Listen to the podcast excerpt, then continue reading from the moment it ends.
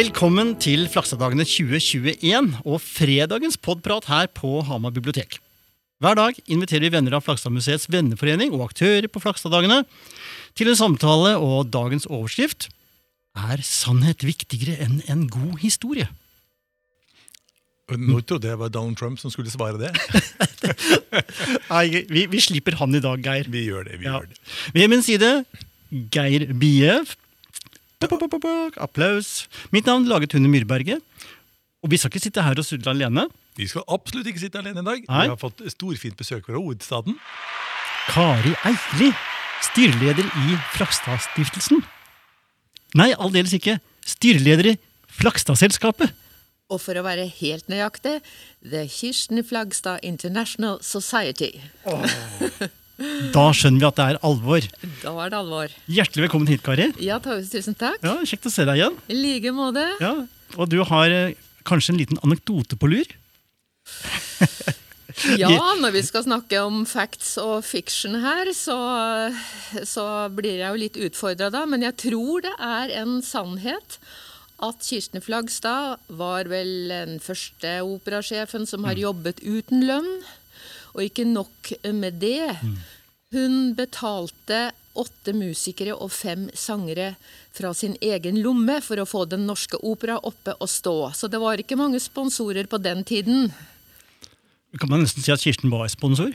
Hun var vel sponsor, ja. Ja, rett og Ja. slett. Fy søren, det, er- det er imponerende. Ja, det er så imponerende at man, man skjønner det ikke. Og det forteller jo litt om hvor mye det, det betydde for henne å få et operaselskap på plass i, i Norge. Eller et operahus også. Vi har jo, hun sang jo på Nationaltheatret og på diverse teatre som hadde kort levetid da hun var ung, så hun måtte jo ut i utlandet hun for å få stå på en operascene. Det må være helt utrolig for henne å komme tilbake til Norge etter krigen, oppleve det hun opplever, og så bli tilkjent denne æren med å være første leder for Den norske opera. Ja. Eh, hun var jo den eh, hva skal jeg si, den best eh, skikket til å gjøre det, selvfølgelig. Men mange ser jo også på det som en del av oppreisningen etter krigen. Mm. Så, eh, så selv om eh, mange fortsatt går og ruger på, på det, det vonde i hennes historie, så, så tror jeg liksom at uh, det norske folk nå stort sett eh, ser på henne som uh, landets store stolthet på kunstfeltet. Ja. Det skal vi høre mer om etter hvert som vi skrider fram i dette, denne praten her. Men Kari, litt tilbake til dette internasjonale flotte navnet på selskapet deres. Hva, hva er forhistorien for at dere er et uh, selskap med Kirsten Flakstads navn? Uh, Det startet jo uh, i forbindelse med 80-årsdagen hennes, eller jubileet, da, i 1975. Mm. Da var hun jo allerede død, og, og da var det en programsekretær i NRK, Torstein Gunnarsson, og en arkivar på Universitetsbiblioteket, eh, Norsk Musikksamling, som eh, begynte å samle artefakter og, og, og diverse etter henne. Ja. Og, og det var en, etter hvert en stor samling på, på Universitetsbiblioteket, som da Gaugstad, som han het, arkiverte gratis. og og så begynte de to å, å, å finne ut at de skulle lage et, eh, et internasjonalt selskap til å ta vare på hennes minne. Ja. Dette er før museet kommer i orden her på Hamar? Ja da. eh, Det er eh, på en måte en forløper til museet. fordi eh, det de hadde samlet da, og fått i gaver, det kalte de Flagstadiana. Oi. Så fint som det het. og eh, eh, Det var svulmende ord eh, tidligere. Vi er, litt mer jordnære nå. Um, og da fikk de um, Gunnarsson og Gaugstad de fikk uh, gaver fra fjern og nær, blant annet da etterkommerne i USA. Eh, og likedan eh, Broren til Kirsten Flagstad, Ole Flagstad, eh, han hadde en datter som uh, også donerte en god del ting. Og jeg tror også Mogens Bentin var uh, inne i bildet så tidlig og gav ting. Så faktisk så er det jo sånn at det som vi finner på museet, mye av det vi finner på museet i Ja. dag, det eh, eies av Flagstad-selskapet. Fordi det var sånn at da man begynte her på Hamar og, og skulle eh, lage en minnesamling her, så hadde de jo ikke så mange ting å fylle strandstuen med. Eh, og så henvendte de seg til Flagstad-selskapet om de kunne få eh, overført eh, tingene derfra, fra Oslo, og opp hit.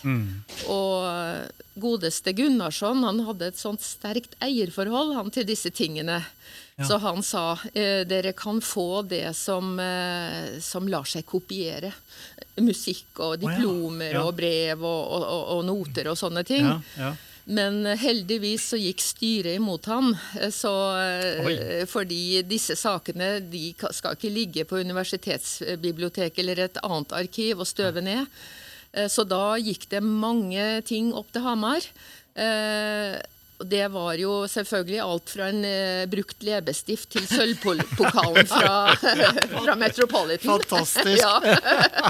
og, og det var briller og, og diplomer og, og håndarbeid som hun hadde laget. Ja. Men også sånne finere ting, sånn som det derre um, toalettsetet i grønn emalje og sølv. det Det er helt nydelig. Ja, det er nydelig. Så uh, det er jo stygt å si det, da, men det eies ikke av museet.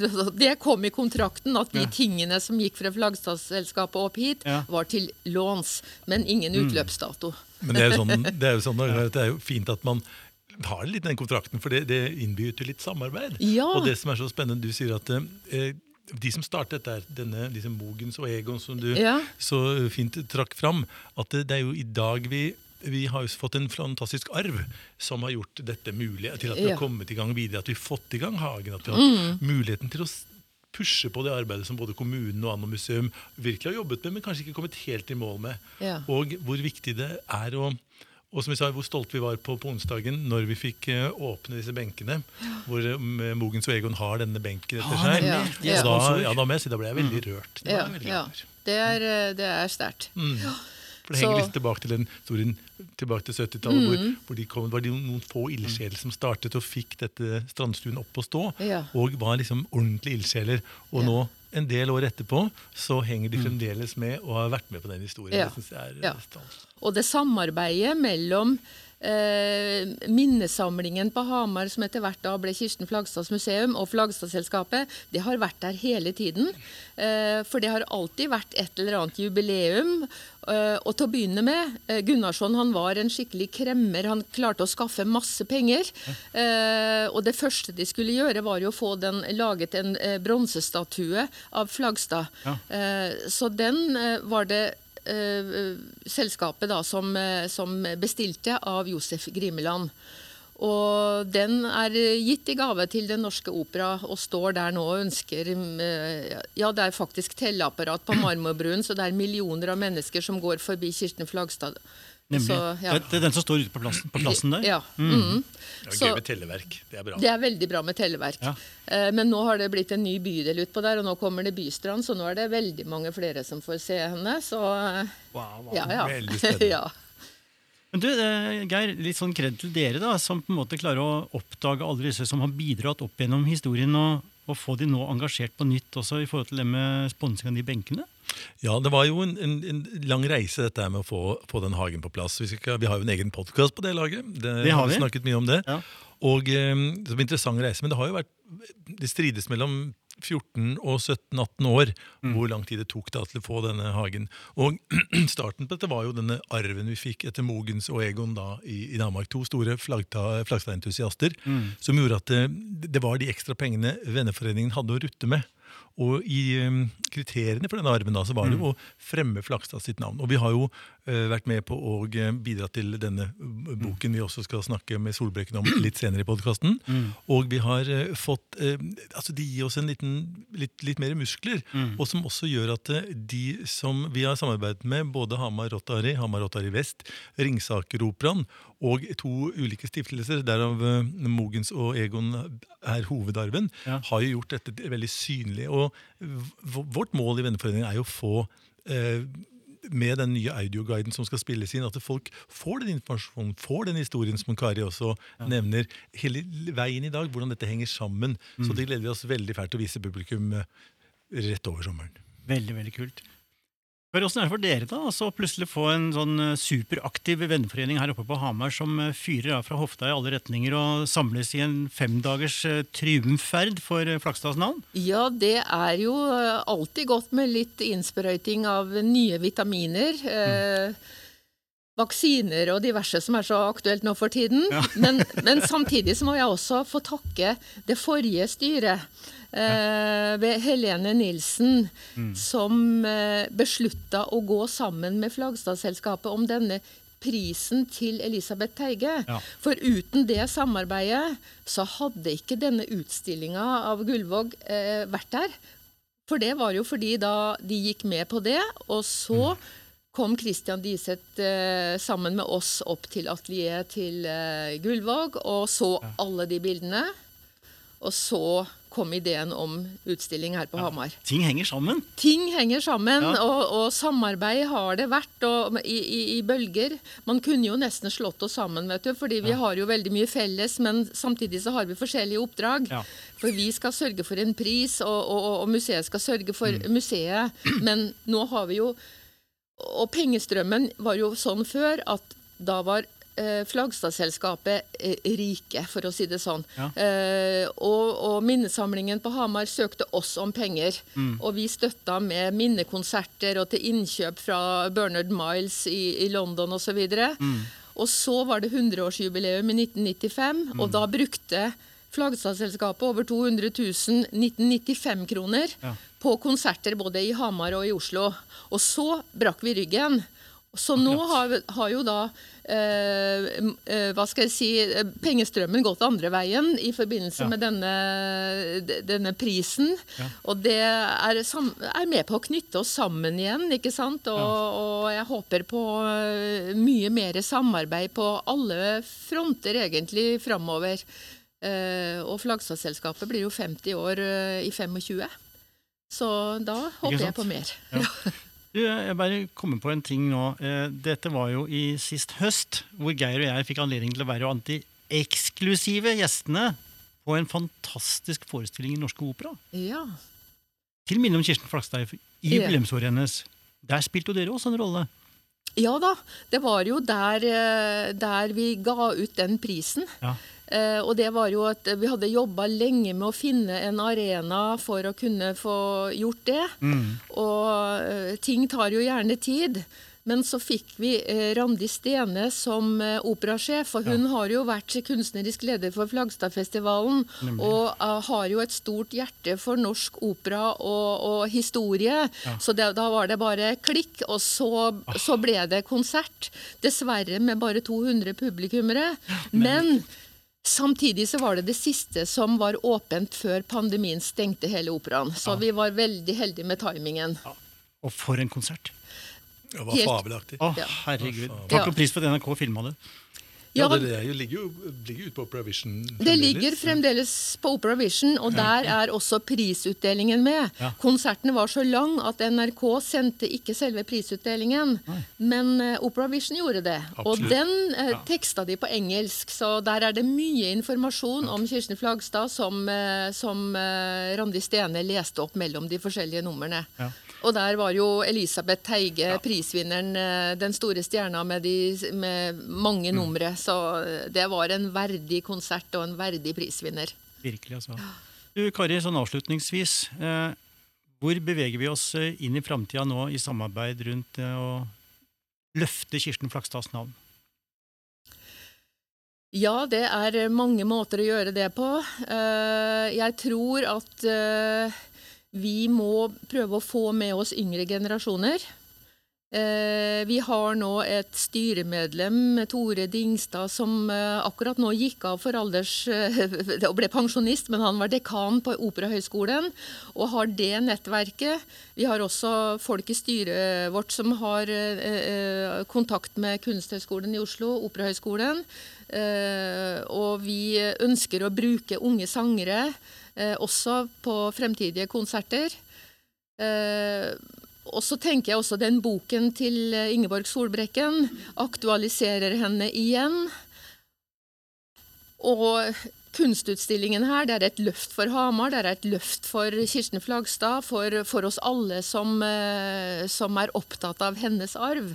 Så jeg tror at dette her eh, Hele det som skjer disse Flagstad-dagene nå, er et, et, en, en ny kickoff, egentlig. Så all ære til eh, Christian Diseth og Geir Bie, som har eh, løpt som, eh, og, og flydd som bier for å få dette på plass. Ja. Det har vært mye flying, gitt, men ja. er fremdeles still going strong. Ja, Jeg tror det summer fortsatt der oppe.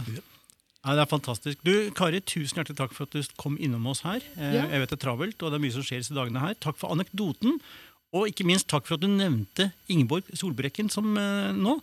For nå skal nemlig hun komme inn sammen med Fabelaktivs eh, produsent eh, Arild Halvorsen. Og da skal de ta plass der hvor eh, du nå sitter, Kari, og så en ny plass der borte også. Ja. Tusen takk for meg. I dette lille sceneskiftet, Geir, hva tenker du når du får høre så mye rosende ord? Det er veldig hyggelig, det. Men det, det, er vel sånn som de fleste andre. Når, når ting står på, så, så, er man jo ikke så veldig flink til å ta en ros man tenker alt på som går galt. For det er jo noe som gikk galt før man satte seg og skulle ha denne runde her. For vi har snakket mye i dag eh, om frivillighet. Og frivilligheten har vært fryktelig viktig for oss. Samarbeidet med institusjoner eh, eh, for hjelp og, og eh, organisasjoner for, for, penger og bidrag har vært stor. Så, så jeg synes at den, eh, vi, vi, har fremdeles noen dager igjen å gå, men det er veldig stas å få lov til å være med å, å lage et nytt konsept. For som Kari nevnte innledningsvis, så, så, for oss når vi begynte, så, så visste ikke vi så forskjell på hva som var Flakstad-festivaler og Flakstad-dager. Det var så mye Flakstad, så, så jeg tenker Ost er ost, hun er hun, og Flakstad er Flakstad. Så, så jeg, jeg, tenkte at her skal vi bare bidra i Flakstads navn. Så for, for, oss har det ikke vært noe viktig annet enn at vi skal samarbeide med alle de som driver med, med noe i Flakstads ånd. Og da er det jo veldig gøy for å prøve, å prøve ut en arena som vi nå har gjort. da. Ikke sant? Da har vi fått på plass våre to nye gjester. Velkommen, Ingeborg og Arild. Veldig kjekt å ha dere her. Dagens eh, tema er jo det hoderystende og grusomme faktum at eh, spørsmålet er sannheten viktig for en god historie. Ja, hvor skal vi begynne? Ja, nå ble vi helt sånn, nei, det var, uff, det var ja. er det, fall, det, det, som i hvert fall er helt sikkert, er at vi trenger noen fakta for å kunne begynne å spinne ut en historie. Men det er klart at hvis man ikke undersøker avstanden mellom to informasjoner, så kan det bli en konspirasjonsteori. Og det er jo ikke så heldig hvis det får leve videre. Så Ingeborg, takk til deg for alt det arbeidet du har lagt ned nå i din nye bok, hvor du virkelig graver inn i å finne hva som ligger mellom disse ytterpunktene i historiefortellingen om Kirsten Flakstad. Ja, den er jo da utelukkende basert en sakprosabok, og den vil da utelukkende være basert på kilder. Nemlig. Hvordan har du gått frem for å jobbe med dette, denne boken? Ja, jeg har jo drevet med dette stoffet i 20 år, så jeg begynner jo etter hvert å kjenne dette arkivmaterialet ganske godt. Så jeg vet hva jeg skal se etter videre. Og mm. Uh, her var det jo spørsmål om å skrive en internasjonal uh, biografi, og da må man jo tenke internasjonale lesere. Mm musikkinteresserte, kulturinteresserte mellomeuropeere, englendere, amerikanere osv. Da må man tenke ganske mye annerledes enn hvis du skriver en utelukkende norsk bok. Mm. Du kom jo i 2016 med en bok som heter 'Konspirasjonen mot Kirsten Flakstad'. Hva var det som motiverte deg til å skrive den boka? Jeg syns det måtte dokumenteres veldig grundig hva hun hadde vært utsatt for, spesielt fra norske myndigheter og Utenriksdepartementet. Mm. Og den dokumentasjonen den var tilgjengelig, ikke minst i UDs arkiver og i Landsvik-arkivet osv. Så, videre. så det var mm. en uh, kanskje litt tørr bok som uh, var veldig belagt med kilder og fakta. Ja. Tørr bok, sier du? Ja, tørr bok for en filmskaper så ville den kanskje vært tørr fordi den uh, utmaler jo ingenting, sånn som et filmmanus må uh, nødvendigvis gjøre. Arild, du humrer når du hører dette. Er du denne maleren? Ja, det, det, det, kan nok, eh, det kan nok diskuteres. Jeg tror at eh, jeg, jeg tror at det, altså, stoff kan tilnærmes på forskjellige måter, og vi ser at, mm. altså, vi ser at det er det er til dels i, i, forhold til den problemstillingen som dere drar opp nå, da. Ja. Eh, så, så, er det klart at eh, hvis man f.eks. går i gang med, med et dramaprosjekt, altså man tenker at man skal lage en TV-serie, drama-TV-serie, eller man mm. tenker man skal lage en spillefilm, så vil jo nødvendigvis eh, Da vil man hvile på kilder, selvfølgelig, men så må man dikte. Fordi at man, man, skal bak dører der faktisk ingen har vært, og ingen kan dokumentere noe som helst. Ja. Og det finnes det jo eksempler på som, der man ser at man lykkes ganske godt med det, og, og, og, så finnes det mange eksempler på at man ikke lykkes så godt med det. Mm. Eh, og, og, det vil alltid være liksom eh, det vil være kritiske røster nesten uansett, når du, spesielt når du velger en sånn type dramavariant. Eh, og, og, og, sånn er det jo med, med kunst. Eh, du tolker jo.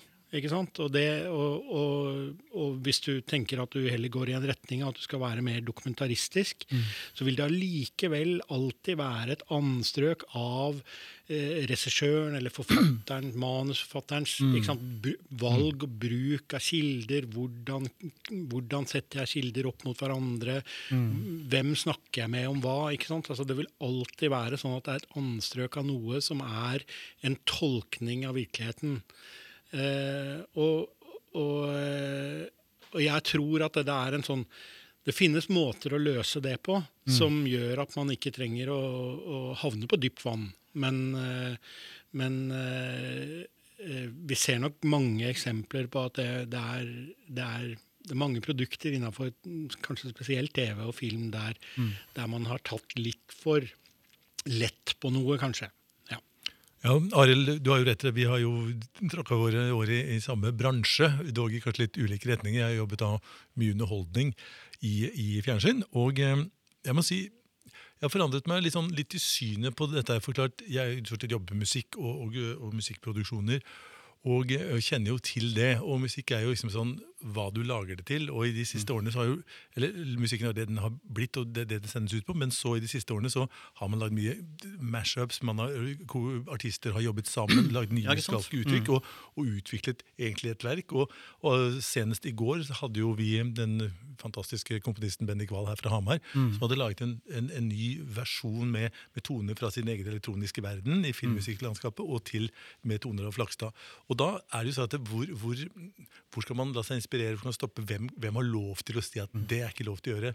Hvorfor gjør du det når du skal holde deg til bare opera? Og Vi var veldig spente i går på åpningen, men med å si virkelig, når ja. slutten av hans komposisjon åpnet seg, og det var en solfylt da, men akkurat på slutten når han satte inn tone av 'Remember Me, Remember Me' ja. når solen bare skinte. Og jeg tror det var veldig mange øyne For da var det litt i nåtiden, men som minte oss om, om fortiden. Så jeg synes, liksom, hvordan skal man da Spørsmålet som jeg vil stille meg, er hvem, hvem skal, hva er riktig og hva er galt? Og det, mm. det er jo ikke akkurat et enkelt spørsmål. Nei.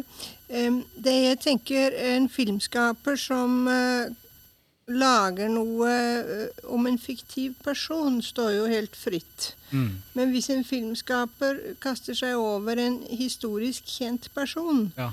uh, hvor det foreligger en masse ugjendrivelige fakta, så må jo vedkommende forholde seg til dem. Mm. Uh, hvis han vil fremstille at dette er Kirsten Flagstad, eller dette mm. er dette er kronprinsesse Märtha, eller dette er kong Haakon, eller hvem det mm. nå er. Og det som jo er viktig, når du, spesielt når du lager spillefilmer, men også en dramadokumentar, det er å skape ja. en karakter. Ja, nemlig.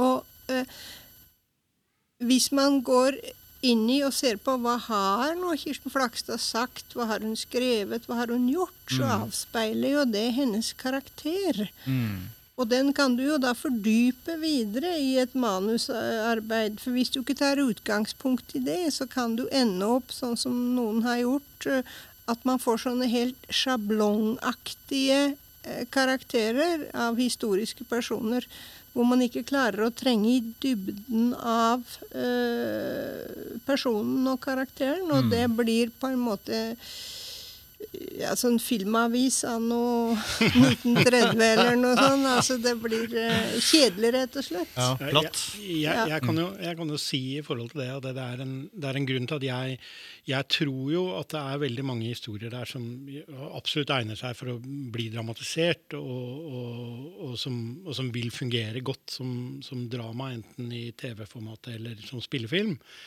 Eh, men samtidig så vil jeg påpeke at det er en god del eh, historier som er bedre egnet som dokumentarer.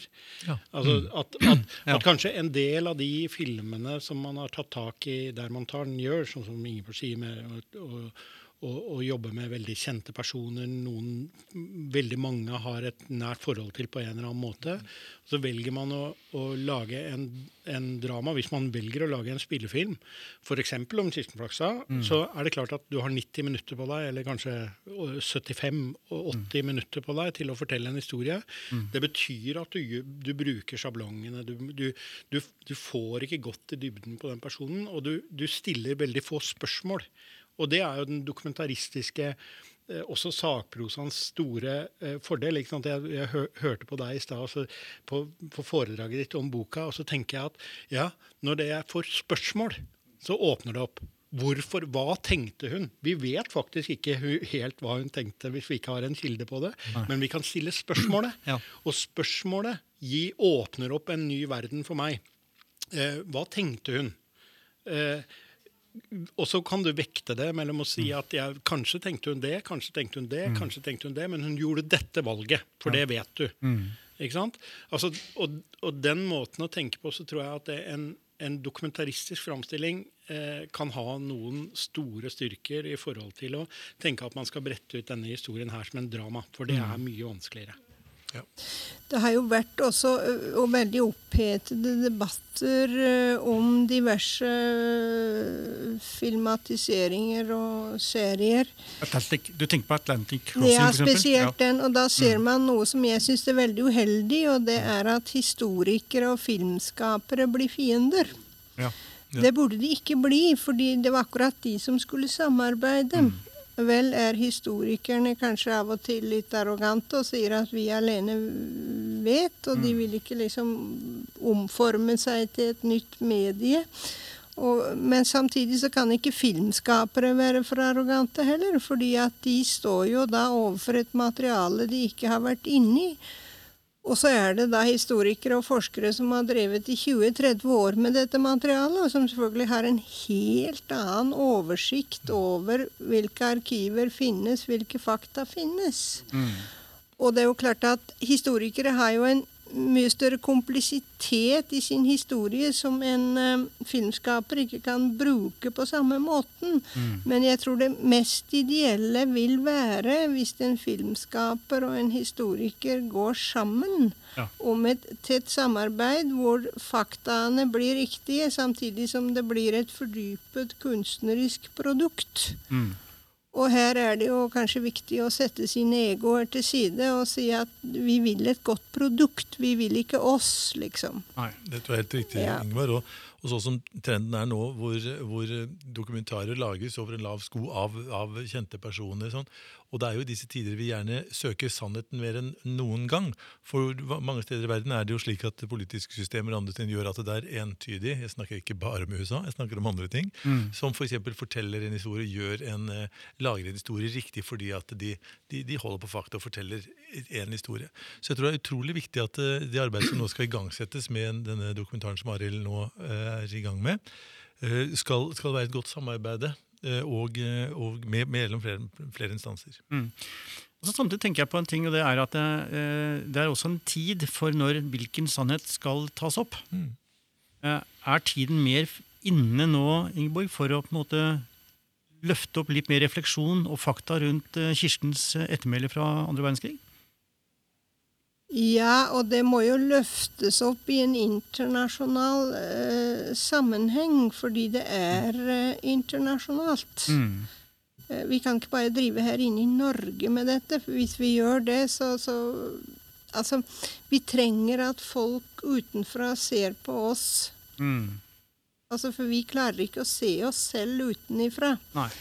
Så ehm, jeg tror at det er viktig at også internasjonale krefter kommer inn i dette, for de vil ha et annet blikk for det. Ja. Og Flagstad er jo en stor internasjonal eh, størrelse. Man kan nesten si om henne det samme som han sa om Henrik Ibsen da han kom tilbake til Kristiania, at det var omtrent som å, kvin, å, å sjøstette Queen Mary i en andedam, ikke sant?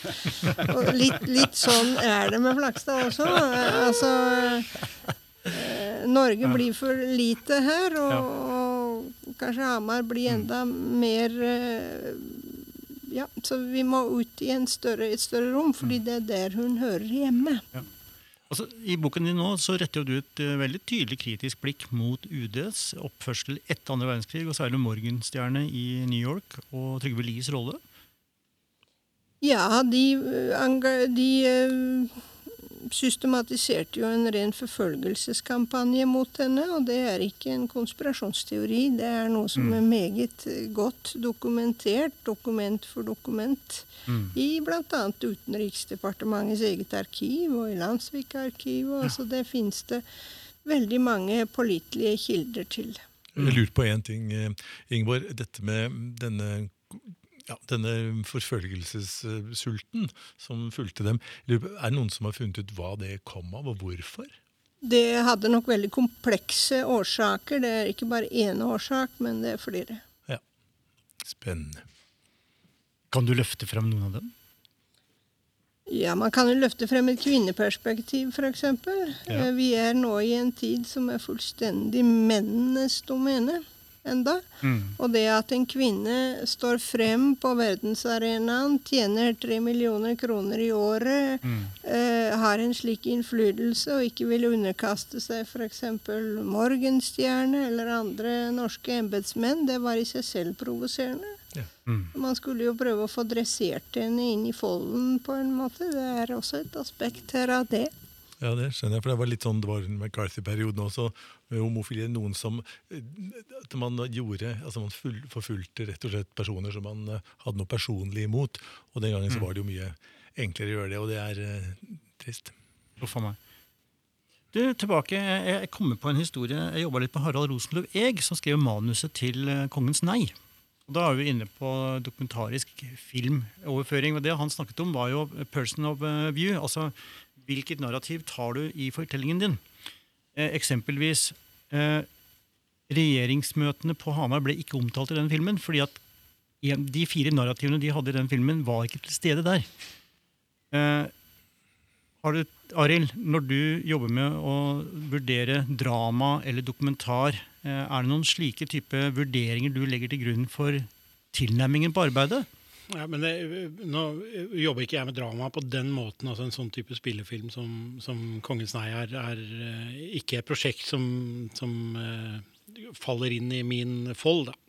Men, men det er klart at jeg forstår den problemstillinga, for den problemstillinga vil komme. fordi det, det som er viktig å huske på, det er, det er liksom man kan veldig, Det er veldig enkelt når man ser et eller annet produkt, eh, om det er en dokumentar eller en spillefilm, så kan man se på hva har de valgt å fortelle. Eh, men for en historiker og for en, eh, for en som sitter på en større kunnskap om temaet, så er det jo like interessant, og kanskje mer interessant, å se hva er det vi ikke har med i denne filmen. Hva er det, Hva er det som ikke, ikke fortelles? Og, og, og, og hvorfor er det? Og så finnes det sikkert eh, kunstneriske årsaker til det. så finnes det, Mm. Man løser det ikke kanskje visuelt godt nok. eller Mm. man, ikke sant? Det er mange sånne, sånne typer ting. Og, og det er klart at eh, en av de første dokumentarseriene som jeg var heldig å få produsere, var jo serien om Prøysen Ja. eh, tilbake på begynnelsen av 2000-tallet. Og det er klart at Da hadde, da hadde vi jo en, en, biograf som den gangen hadde valgt å utelate historien om Prøysens eh, legning, f.eks. Ja. Eh, men vi kom over det stoffet i vår research og, og følte det som en helt naturlig Da hadde tida gått, det, vi mente det var riktig, eh, og vi presenterte det. Men vi jobba jo utrolig mye med måten vi skulle presentere det på. Ja. Hvordan skal vi gjøre dette? Men allikevel ble det bråk. Mm. Eh, hadde vi det utelatt det, så hadde det også vært feil. Eh, og det hadde blitt bråk. Ja. Fordi, så, så, sånn, at, sånn at det er en, det er en vanskelig balansegang, dette. Og, og, eh, og, og jeg kan vel si med hånda på hjertet at, at hvis, hvis, vi som, hvis vi som skal skape et eller annet filmatisk produkt på, for TV eller for et lerret, ikke innehar en sånn type ydmykhet i forhold til den karakteren vi skal presentere, i forhold til alle kildene som vi kan bruke, all kunnskapen som finnes, og ikke, ikke har den ydmykheten når vi går inn i det med, og, og, og går inn i det med åpne øyne, og tør å diskutere disse tingene her med historikere, med biografer, med andre, så, så mener jeg at vi ikke gjør jobben vår. Eh, For det er det aller, aller viktigste vi gjør. Og, og, og vi skal, bru, skal bruke god tid eh, på å komme eh, så nær den sannheten og, og vekte de ulike faktaene mot hverandre. Og, og bruke, bruke den kunnskapen som allerede ligger der. Mm. Og det er jo spennende i et prosjekt om Flakstad, selvfølgelig. Fordi at det finnes så mye kunnskap. Eh, og så finnes det også mange konspirasjonsteorier som noen har, har, har påpekt. ikke sant? Altså, som Ingeborg påpeker. Altså det er sånn, Leser du deg opp på Wikipedia om Kirsten Flakstad, så tror jeg ikke du vet alt om Kirsten Flakstad. altså. Da finnes det heldigvis eh, bøker som det du har gitt ut, eh, Ingeborg. Jeg er litt spent på Har du noen nye prosjekter knytta til Kirsten Flakstad på gang? Er det noe som surrer i hodet ditt? Noe du ønsker å dykke ned i, finne mer ut av? En retning i arbeidet? Jeg syns at eh, akkurat som vi nå har fått en internasjonal biografi om Flakstad, som skal ut i det tyskspråklige rom, og etter hvert også i det engelskspråklige rom, det er jo også et prosjekt å få dette oversatt til engelsk, så burde det være en dokumentar, eller en dramadokumentar, eller en ren dokumentar, eh, som burde lages, som har en internasjonal appell. Mm. Og um, det arbeidet skulle jeg gjerne bidra i. Mm. Uh, fordi jeg syns at det ville på en måte nå en enda større seergruppe enn en bok, som Mm. jo da antageligvis vil bli lest av spesielt interesserte i første omgang. Mm. Fordi eh, fjernsyn er jo et veldig eh, sterkt medium, og dessverre er det mange ganger sånn at det som er vist på fjernsynet, at det fester seg mest hos folk, så da tror de at det er det, det som vi ser der er sant. Og derfor så syns jeg også at en, en dokumentarskaper som gir seg i kast med berømte personer, har et spesielt ansvar for å at iallfall det man presenterer, er sannferdig. At det ikke er noe i den filmen som eh, kjensgjerninger Som går mot kjensgjerninger. Det bør være et krav, syns jeg. Hun, hun ser litt strengt på meg nå her vi sitter. Ja, sånn at det, og, og, det er, og det er veldig Ja. bra, for sånn, sånn skal det være. Og, det, og dette, er jo, dette er jo egentlig svaret. Altså, Ja. Hvis vi skal hvis vi, i hvert fall hvis, Nå er vi i starten på et sånn type prosjekt, og, det er, og, boka er, er snart gjennomlest i, av, av, av meg. Og så, eh, så tenker jeg at eh, Og alle de andre kildene som finnes. Eh, og, og det er klart at det er klart at eh, det er en stående invitasjon eh, å, å, å bli med oss på denne reisen. fordi jeg tror det er løsningen for å, for å kunne løfte noe. Og jeg er helt enig med det internasjonale aspektet. Eh, fordi vi må tørre å tenke stort. Vi må tørre å tenke at dette er for et stort marked. Ja, det er som jeg skulle ha sagt til Arild, Vi Kirsten Flakstad-museets venner tenker stort, vi også. Og vi, vil, eh, vi gleder oss til å være med på den videre reisen. For, for vi tror eh, rett og slett at, eh, at liksom hele hennes historie da, fra vugge til grav er interessant. Og i disse dager med Flakstad-dagene har fått lov til å presentere så mye. Vært glad for at ha dere her, eh, Solbrekken Solbakken og Operaforlag. Ha dere også her, Arild Halvorten fra Fabelaktiv. Og, og kunne fortelle hva, hva slags planer vi har. Og så får vi veldig håpe at ikke dette tar like lang tid som det tok å lage en hage der oppe. 16 år. Men eh, det kommer det ikke til å gjøre. Så jeg er klar for det. Fantastisk å høre, Geir. Samarbeid er løsningen, har både vært, er og kommer til å bli løsningen i framtiden. Vi har kommet til slutten i denne episoden av Flakstadpodden, Geir. Yep. Vi har hatt eh, tre dager på rappen, mange flotte gjester, mye spennende temaer. Ja. Og sannheten er nok viktig for en god historie. Du har helt rett. Eh, Vi har altså kommet til slutten av denne podcastpraten her på biblioteket. Og takk til alle våre gjester. Hamar bibliotek, sponsorer og samarbeidspartnere, og ikke minst takk til deg som har lyttet på denne episoden av Flakstadpodden. Det er flere episoder der du har lyttet, så ved å følge oss, så blir du oppdatert på nye samtaler fra Flakstadpodden også i framtiden. Vi høres i neste episode.